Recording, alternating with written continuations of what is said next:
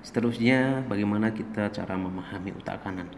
Bukan kebetulan buku yang A ini adalah seri otak kanan.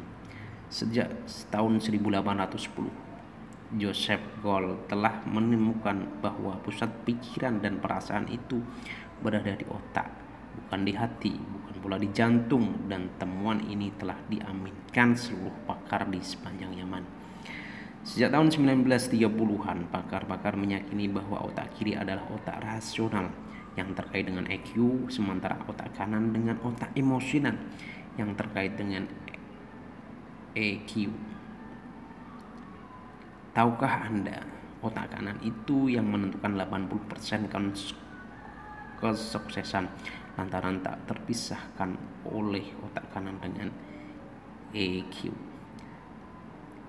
Tahukah Anda, kuatnya otak kanan membuat Anda lebih self-motivate, lebih supel, lebih cerdas emosi, dan lebih awet muda. Ini hasil penelitian, bukan kata-kata saya.